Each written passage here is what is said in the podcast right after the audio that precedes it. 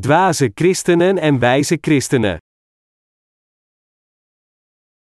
Matthäus 25 op 1 min 12. Als dan zal het koninkrijk der hemelen gelijk zijn aan tien maagden, welke haar lampen namen, en gingen uit, den bruidegom tegemoet. En vijf van haar waren wijze, en vijf waren dwazen. Die dwaas waren, haar lamp nemende, namen geen olie met zich. Maar de wijze namen olie in haar vaten, met haar lampen. Als nu de bruidegom vertoefde, werden zij allen sluimerig, en vielen in slaap. En ter middernacht geschiedde een geroep, ziet, de bruidegom komt, gaat uit hem tegemoet. Toen stonden al die maagden op, en bereidden haar lampen. En de dwaze zeiden tot de wijze, geeft ons van uw olie, want onze lampen gaan uit. Doch de wijzen antwoordden, zeggende, geen zins, opdat er misschien voor ons en voor u niet genoeg zij, maar gaat liever tot de verkopers, en koopt voor uzelf. Als zij nu heen gingen om te kopen, kwam de bruidegom, en die gereed waren gingen met hem in tot de bruiloft, en de deur werd gesloten. Daarna kwamen ook de andere maagden, zeggende, Heer, Heer, doe ons open. En hij, antwoordende, zeide, Voorwaar zeg ik u, ik ken u niet. Dag iedereen. Hoe gaat het vandaag met u? De huidige schriftpassage vermeldt dat er vijf wijze maagden en vijf dwaze maagden waren die uitgingen om de bruidegom te ontmoeten. De dwaze maagden vroegen de wijze maagden om de olie met hen te delen omdat hun lampen uitgingen. De wijze maagden antwoordden: Geen zins, opdat er misschien voor ons en voor u niet genoeg zij, maar gaat liever tot de verkopers, en koopt voor uzelf. De bruidegom kwam terwijl de dwaze maagden de olie gingen kopen, en de wijze maagden die de olie in hun vaten hadden voorbereid, mochten met hem mee naar de bruiloft, en de deur werd toen stevig gesloten. De dwaze maagden keerden terug en zeiden: Heer, Heer, doe ons open. Maar de Heer antwoordde: Voorwaar zeg ik u, ik ken u niet. Dit is de inhoud van deze passage. In het hedendaagse christendom zijn er twee soorten van geloof: een dwaas geloof en een wijs geloof. Er zijn dwaze religieuze mensen in het christendom, en zij zijn mensen die in het christendom als een religie geloven. Of Jezus al de zonde van de wereld heeft uitgewist of niet is voor hen niet zo interessant. Integendeel, zij doen gewoon ijverig waar hun passie hen toe leidt. Het is moeilijk om met deze mensen om te gaan die daar zitten en ons betuttelen. Hier in dit verhaal doen de dwaze maagden ijverig hun best, maar de Heer die echt de bruidegom is, was al gearriveerd. Maar zelfs toen maakten die dwaze maagden nog steeds drukte om de olie te kopen. Onder de vele christenen van vandaag zijn er mensen die rondspringen als geestelijke vlinders die naar dit en dat gebedcentrum gaan, naar elke Bijbelconferentie en elke herlevingsbijeenkomst omdat ze er naar verlangen gevuld te zijn met religieuze passie. Wanneer ze een herlevingsbijeenkomst bijwonen, beuken ze op de vloer, klappen in hun handen, creëer allerlei commotie, steken hun hoofd uit zodat iedereen in de samenkomst met hen kan bidden door het opleggen van handen. Deze mensen gaan zelfs tot het uiterste door diep in donkere grotten te gaan, op harde rotsen te knielen en zo hard als mogelijk voor God te bidden. De tien maagden in de geschrifte passage van vandaag illustreren de mensen binnen het christendom die alleen oppervlakkig in Jezus geloven. Op wie wachten deze maagden? Ze waren allemaal aan het wachten op Jezus, hun bruidegom. Ze moesten iets voorbereiden terwijl ze op hun bruidegom wachten. Ze moesten olie bereiden samen met hun lampen. Als u olie in een lamp giet, zonder te morsen en een vlam aansteekt, zal de lont samen met de olie branden en licht geven. Terwijl de pit de olie opzuigt, zal de vlam op de pit de olie verbranden.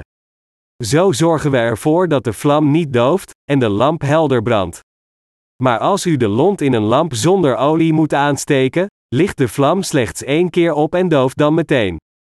Mensen binnen het christendom die in Jezus geloven en Hem volgen als traditie of religie, zijn precies zo. Het is omdat ze de Heilige Geest niet in hun hart hebben, daarom moeten ze vaak de lont veranderen. Dit geldt met name voor die religieuze fanatici die geloven in het christendom, als een religie, en elke dag veel lonten opbranden. Als de lont is opgebrand en verkoold, dan trekken ze de lont omhoog en branden hem één, twee of drie keren, vier keren, vijf keren, enzovoort, continu. Als de lont bijvoorbeeld 20 centimeter lang is en we elke dag 1 centimeter ervan opbranden, zouden we de lont in 20 dagen opgebruiken. We moeten dus een nieuw lont halen en deze vervangen nadat de lont van 20 centimeter is opgebrand. En dan kan men de nieuwe lont weer voor 20 dagen opbranden, enzovoorts. Ze zullen de lont met regelmatige tussenpozen moeten vervangen, omdat ze het minstens zeven keer per week zullen opbranden. Dit zouden vroege ochtend gebedsbijeenkomsten, nachtelijke gebedsbijeenkomsten, midweek gebedsbijeenkomsten, vrijdagavond aanbiddingsdiensten, zondagochtend aanbiddingsdiensten en aanbiddingsdiensten op zondagavond bevatten. Ze zullen moeten zwoegen en de lont heel vaak moeten vervangen. Mensen die in het christendom geloven als een religieuze gaan regelmatig naar de kerk, ze gaan ook naar gebedcentra wanneer ze zich vervelen en naar gebedsamenkomsten eenmaal per maand of eens in de drie maanden. Als ze niet naar deze bijeenkomsten gaan, staan ze erop dat ze naar herlevingsbijeenkomsten of een andere religieuze bijeenkomst moeten gaan.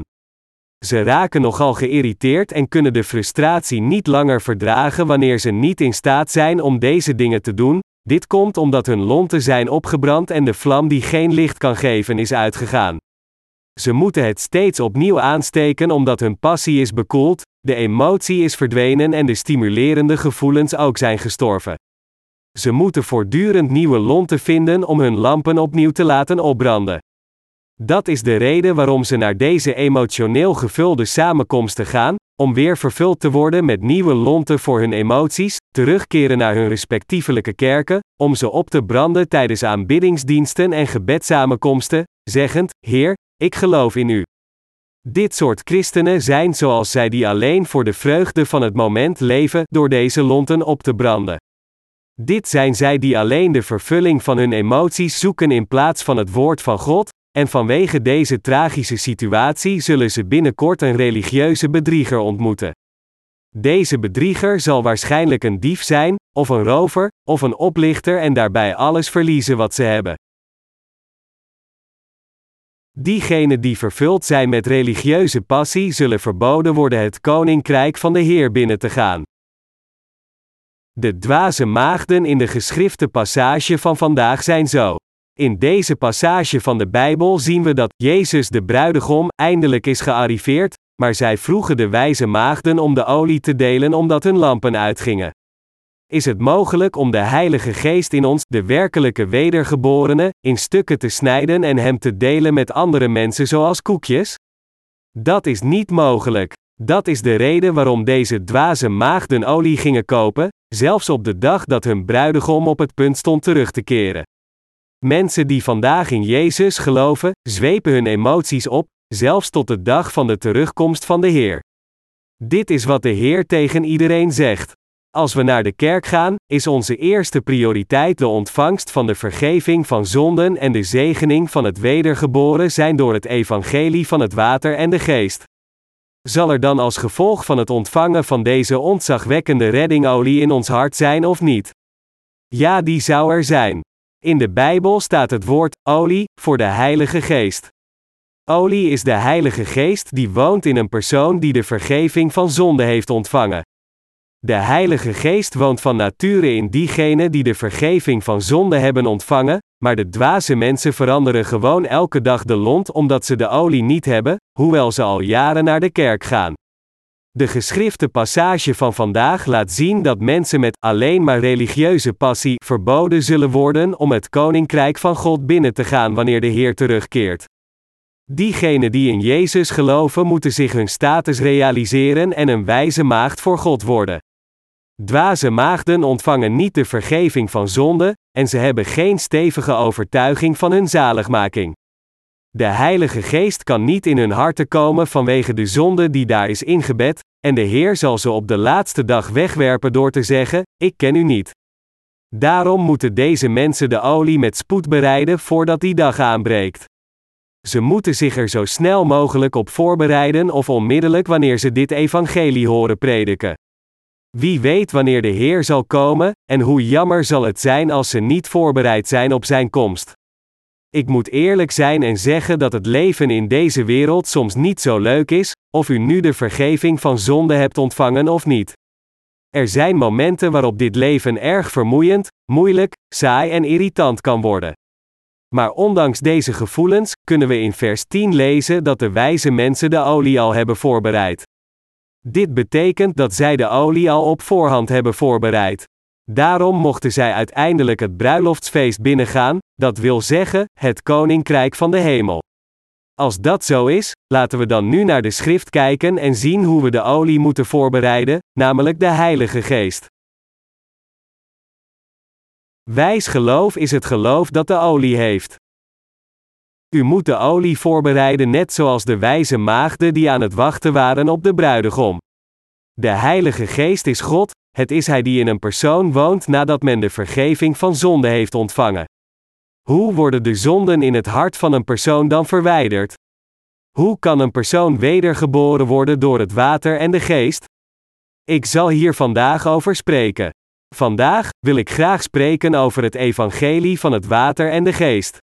In Matthäus 13 over 3 min 17 kunnen we zien dat Johannes de Doper Jezus doopt. Toen kwam Jezus van Galilea naar de Jordaan, tot Johannes, om van hem gedoopt te worden. Doch Johannes weigerde hem zeer, zeggende: Mij is nodig van u gedoopt te worden, en komt gij tot mij. Maar Jezus, antwoordende, zeide tot hem: Laat nu af, want al dus betaamt ons alle gerechtigheid te vervullen. Toen liet hij van hem af.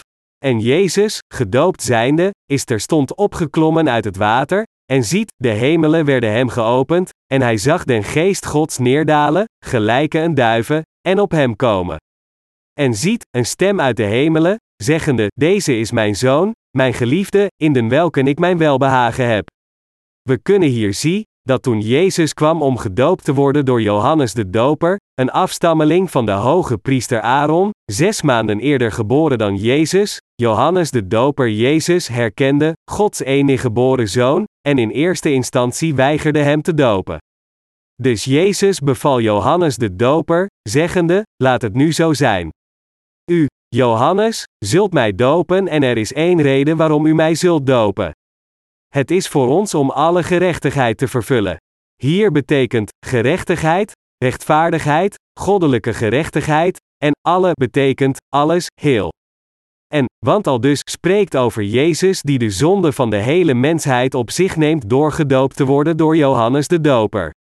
Johannes de Doper doopte Jezus om alle zonden van de mensen weg te wassen. Jezus ontving het doopsel om alle zonden van de wereld te dragen. De doop hier wordt ook de doop door onderdompeling genoemd. Het betekent hetzelfde ding. Doop door onderdompeling impliceert de overdracht van zonde door handoplegging en sterven in het water, en het doopsel van Jezus betekent dat Jezus alle zonden van de mensheid ontving en onze zonde wegwaste door handoplegging. We zien dus dat de doop en het opleggen van handen bijna hetzelfde betekent. Zo ontving Jezus de doop, wat de meest geschikte methode is om heel de gerechtigheid te vervullen, om ieder mens te redden, van Adam tot alle mensen tot het einde van de aarde, van alle zonden van hun hart en van alle zonden die ze daadwerkelijk in hun leven begaan. Betreffende Johannes de Doper. Wie is deze Johannes de Doper die Jezus doopte? Om Jezus als de Verlosser te herkennen en in Hem te geloven, moeten we de getuigenis van Johannes de Doper begrijpen. Door de getuigenissen in de Bijbel die we nu gaan delen, zullen we zien dat Johannes de Doper een belangrijk persoon is die niet lichtvaardig behandeld kan worden in onze bespreking van deze belangrijke kwestie van onze zaligheid. We moeten volledig erkennen dat Johannes de Doper de grootste was ooit geboren uit een vrouw, Matthäus 11 over 11 ochtends. Hij is de vertegenwoordiger van deze hele menselijke schepping. God zond, door zijn grote plan om de mensheid te redden, Johannes de Doper zes maanden voor Jezus naar deze wereld.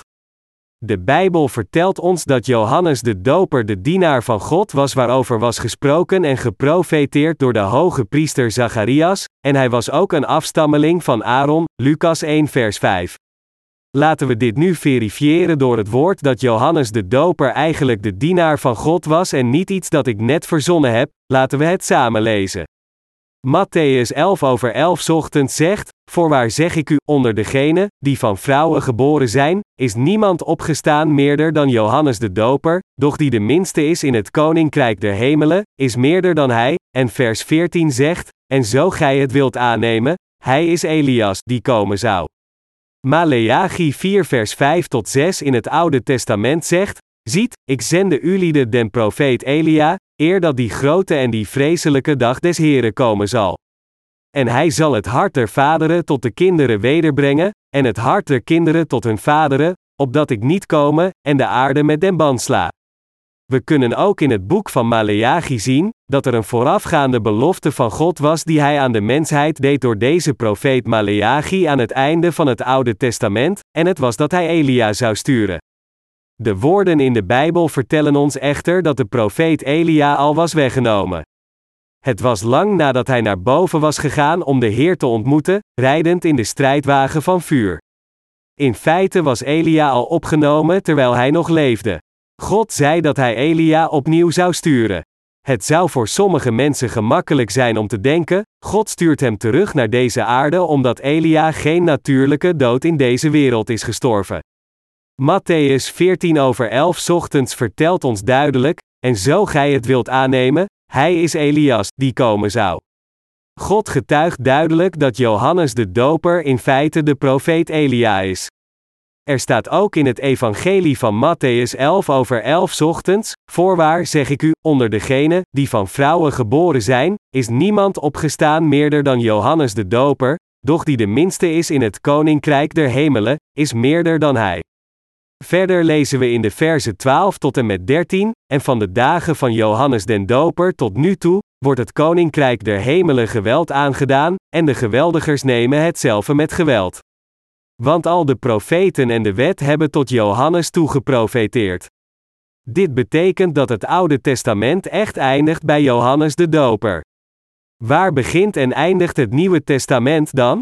Het Nieuwe Testament begint met de eerste komst van Jezus, en het eindigt met Jezus die weer terugkomt naar deze aarde.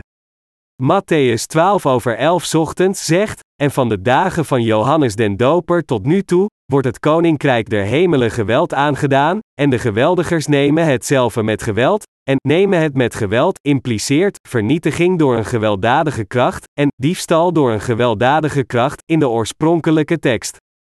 Het is gemakkelijk voor mensen om te denken dat een bescheiden en oprecht persoon het koninkrijk van God zal binnengaan, en niet iemand die gewelddadig van aard is. Maar we moeten altijd in gedachten houden dat de schrift verschilt van ons denken. Hier is bijvoorbeeld de betekenis van de Bijbel heel duidelijk en er is niets mis mee. Als dit het geval is, kunnen we niet anders dan de volgende vraag stellen: wat deed Johannes de Doper dat zo belangrijk was dat we vanaf dat moment het koninkrijk van God door geloof konden binnengaan? Dit is heel belangrijk voor u om volledig te begrijpen. Het betekent dat iedereen die vast gelooft in wat Johannes de Doper op deze aarde heeft gedaan, en wat Jezus heeft gedaan, de vergeving van zonde door geloof zal ontvangen en het koninkrijk der hemelen zal binnengaan. We moeten echter weten dat het diegenen die in Jezus als een religie geloven verboden wordt om het koninkrijk der hemelen binnen te gaan. Diegenen die dronken zijn van religie, zullen het koninkrijk van de hemel niet mogen betreden. Het enige wat ze doen is constant hun emoties te voeden en ze proberen, door deze dingen te doen, hun gedachten en gevoelens te bevredigen. Zij geloven gewoon in Jezus als een religie, zoals het Confucianisme of het Boeddhisme. Daarom doen ze net alsof ze bescheiden en oprecht zijn, en gaan ze bovendien verder met hun gebruikelijke berouwgebeden, gebeden in de bergen, betalen van tienden en vrijwilligerswerk. Ze weigeren te aanvaarden wat Johannes de Doper heeft gedaan in overeenstemming met de schrift, door te komen zoals hij deed, op de rechtvaardige manier, inclusief het werk dat Jezus heeft volbracht.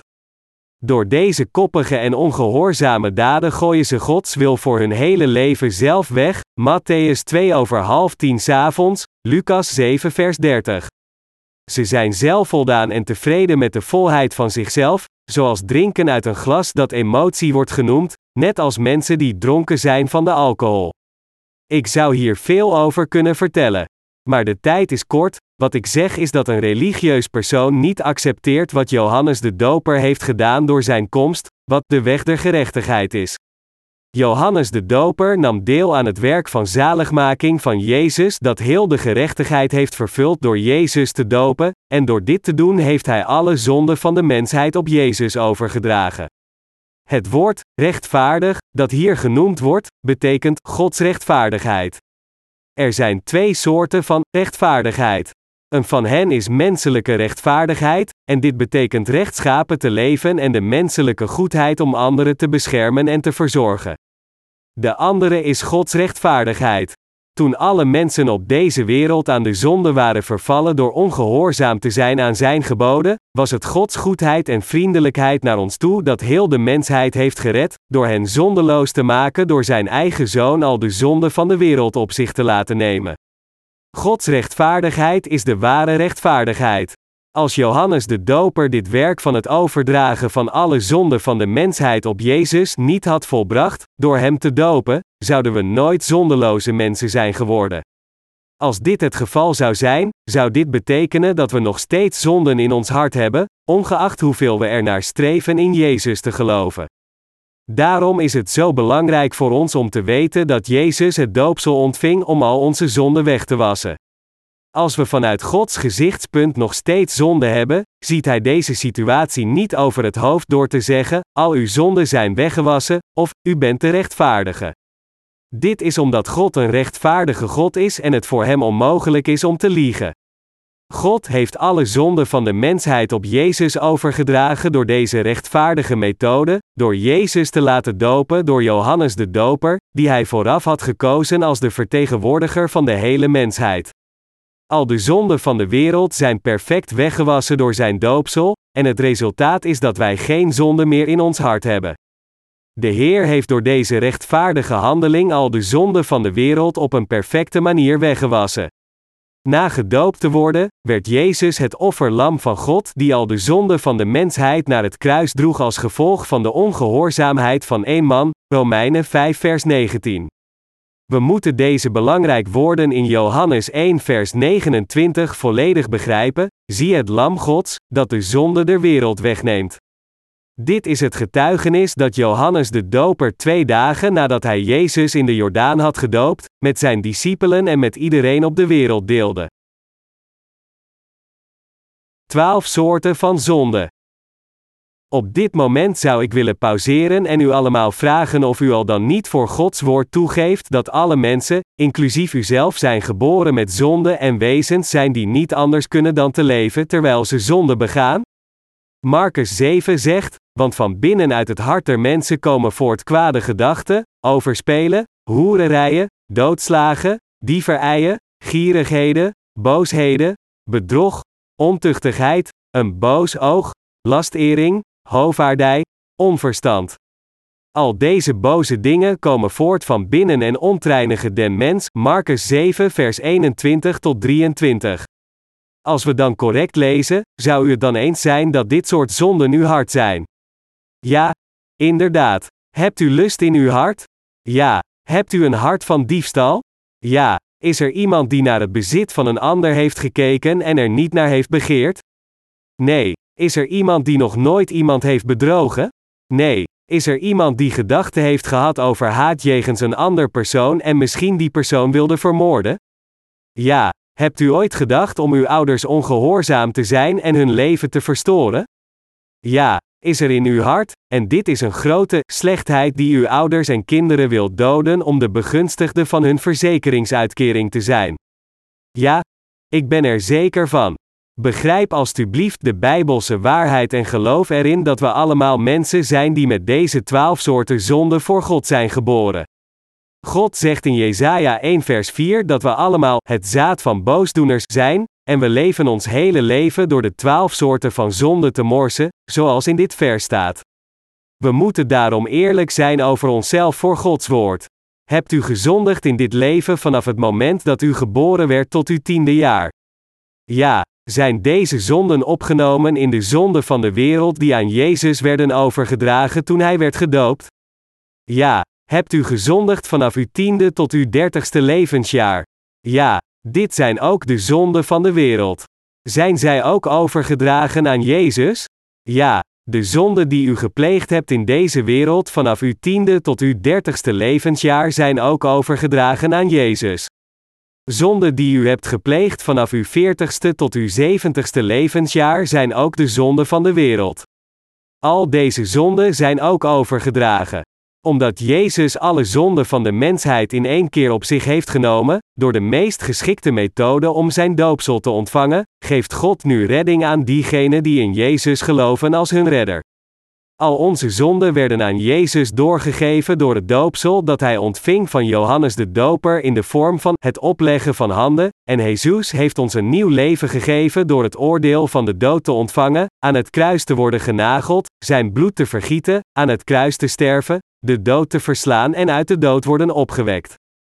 Veel religieuze christenen geloven tegenwoordig heel sterk dat ze de vergeving van hun zonden ontvangen wanneer ze die ellendige berouwgebeden aanbieden.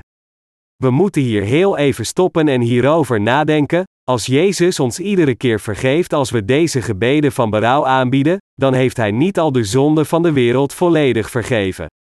In feite zijn er nog zoveel zonden die mensen moeten begaan. Mensen zijn wezens die niet anders kunnen dan zonde te plegen tot de dag dat ze overlijden. Daarom is, door dit valse geloof te hebben, alle gerechtigheid nog niet vervuld voor diegenen die proberen van hun zonden af te komen via deze methode. Zij geloven niet in het feit dat Jezus al de zonde van de wereld op zich nam. De apostel Paulus spreekt over deze mensen in het boek van Romeinen. Deze mensen waren onwetend over de gerechtigheid van God en probeerden hun eigen gerechtigheid te vestigen. Romeinen 10 vers 3. Gods wil is gericht op de vergeving van onze zonden. Wat betekenen deze laatste woorden van de Heer, het is volbracht, voordat Hij stierf aan het kruis? Deze woorden zijn zeer krachtig en hebben de betekenis dat Jezus alle gerechtigheid had vervuld door het volledige oordeel en de straf voor alle zonden van de wereld te ontvangen, die Hij op zich nam door de doop die Hij van Johannes de Doper ontving. Jezus ontving de meest geschikte doopmethode die God de Vader had gepland toen hij werd ondergedompeld in het water van de rivier de Jordaan. Dat Jezus zichzelf onderdompelt in het water betekent zijn dood en toen hij weer ophoog kwam uit het water betekent zijn verrijzenis en brengt ons de gelovigen weer tot leven. Wat heeft God de Vader gezegd toen Jezus gedoopt was? Deze is mijn zoon, mijn geliefde, in den welke ik mijn welbehagen heb. Dit is de getuigenis van God de Vader, en het betekent, diegene die op de meest geschikte manier de zonde van de wereld op hem heeft overdragen, hij is mijn zoon over wie ik heel tevreden ben, en diegene die de Vader gehoorzaamt. We zullen nu nadenken over het woord in het Evangelie van Matthäus hoofdstuk 7 dat zegt, niet een iegelijk, die tot mij zegt, Heere, Heere, zal ingaan in het koninkrijk der hemelen, maar die daar doet den wil mijns vaders, die in de hemelen is. Matthäus 9 voor half 8.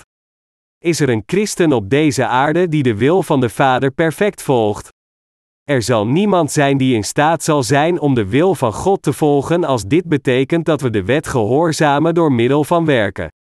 Alle mensen zijn broos en zwak, net als Petrus, en we kunnen al deze dingen niet volgens Gods wil doen door middel van werken. Iedereen, inclusief Petrus, die het zwakke vlees heeft, zal Jezus talloze keren in hun hart verraden en zal ook een leven leiden waarin hij zich voortdurend van zijn zonde moet afkeren. Maar wat belangrijk is, is dat de Heer al deze zonden en zwakheden op zich heeft genomen. Door zijn doopsel heeft Jezus al onze zonden op zich genomen, als ook al de zonden van de mensheid, die nog steeds zonde hebben en plegen in deze wereld. Dat is de reden waarom niet een van de twaalf leerlingen van Jezus, inclusief de apostel Paulus, ooit berouwgebeden hebben aangeboden voor hun zonde. Ze keerden zich af van hun fouten als ze zich realiseerden: dit is niet het juiste om te doen. Maar er is geen bewijs dat ze hebben geschreeuwd en gezegd: Heer, vergeef alstublieft mijn zonde, zoals deze religieuze fanatici die dit doen wanneer ze samenkomen, omdat ze nog steeds zonden in hun hart hebben en erg bang zijn om naar de hel te gaan. Jezus heeft de meest geschikte doop voor de hele mensheid ontvangen. Het was Gods wil dat Jezus naar deze aarde kwam als een nederig persoon volgens het bevel van God de Vader. Hij had alle zonden van de mensheid in één keer ontvangen door zijn doopsel, door het opleggen van handen die Johannes de Doper uitvoerde in de Jordaan, en vervolgens stierf hij aan het kruis om het oordeel over de zonde te beëindigen. Jezus heeft ons perfect gered door de wil van God de Vader te gehoorzamen, en nu zijn wij in staat om naar het Koninkrijk van de Hemel te gaan door te geloven in Jezus de Verlosser met heel onze harten volgens de wil van God de Vader. We zijn nu in staat om naar het Koninkrijk van de Hemel te gaan met geloof. Dit is wat het betekent in Matthäus 7, dat we Gods wil doen en Gods genade ingaan door geloof, en niet doorwerken. Het Evangelie van Johannes hoofdstuk 1 vers 6 en 7 zeggen, er was een mens van God gezonden, wiens naam was Johannes. Deze kwam tot een getuigenis, om van het licht te getuigen, opdat zij allen door hem geloven zouden. Johannes de Doper was diegene die kwam getuigen over Jezus. Johannes de Doper was de hoge priester die al de zonde van de mensheid had overgedragen aan Jezus. Johannes de Doper getuigt nog steeds aan de hele mensheid deze krachtige woorden: Zie het Lam Gods, dat de zonde der wereld wegneemt. Johannes 1, vers 29. Diegenen van ons die hierin geloven, kunnen Jezus Christus ontmoeten door de getuigenis van Johannes de Doper. Met andere woorden, we realiseren ons dat al onze zonden zijn overgedragen aan Jezus, en dit is omdat Johannes de Doper over hem aan ons heeft getuigd. We zouden niet perfect in Jezus als onze Verlosser kunnen geloven, als we niet het getuigenis hadden gehad van Johannes de Doper die getuigde over Jezus Christus, het ware licht. Door Johannes de Doper zijn we nu in staat om Jezus perfect te leren kennen vanwege zijn doopsel en ook het getuigenis van Johannes de Doper. Jezus en Johannes de Doper hebben perfect het werk van de zaligmaking voor ons voltooid, zodat we voor God nooit als een zondaar worden beschouwd, zelfs als we in de toekomst zonde plegen. Predik het Evangelie. Het doopsel dat Jezus ontving aan het begin van zijn publieke leven was het begin van het werk van onze zaligmaking. Jezus zei tegen de vrouw die betrapt werd op overspel: Zo veroordeel ik u ook niet, Johannes 8, vers 11. En dit betekent: U hebt geen zonde, omdat ik zelfs deze zonde van u op mij heb genomen. Jezus deelde het evangelie van de vergeving van zonde voor drie jaar, zoals dit voorbeeld in de Bijbel, vergoot hij zijn bloed, stierf aan het kruis voor het oordeel van zonden en werd weer opgewekt op de derde dag, werd opgetild naar de hemel, waarmee hij perfect onze zaligmaking volbracht. Diegenen die geloven in dit evangelie ontvangen de vergeving van zonden en worden wijze mensen van geloof die de olie hebben voorbereid, dat de Heilige Geest in onze harten is. We hebben Jezus ontmoet door de getuigenis van Johannes de Doper, en we hebben heel de rechtvaardigheid aangedaan door te geloven in alles dat Hij voor onze zaligmaking heeft gedaan. Nu als zijn rechtvaardige mensen, zoals de parabel van de wijze maagde wachtend op de bruidegom, zullen wij het gezegende woord van het wedergeboren worden door het water en de geest aan al de mensen op deze aarde voor de rest van onze levens met geloof verspreiden, en de wil van God de Vader doen. De Heer beveelt ons, Predik het woord, hou aan tijdelijk, ontijdelijk, wederleg, bestraf, vermaan in alle langmoedigheid en leer, 2 Timotheus 4 op 2.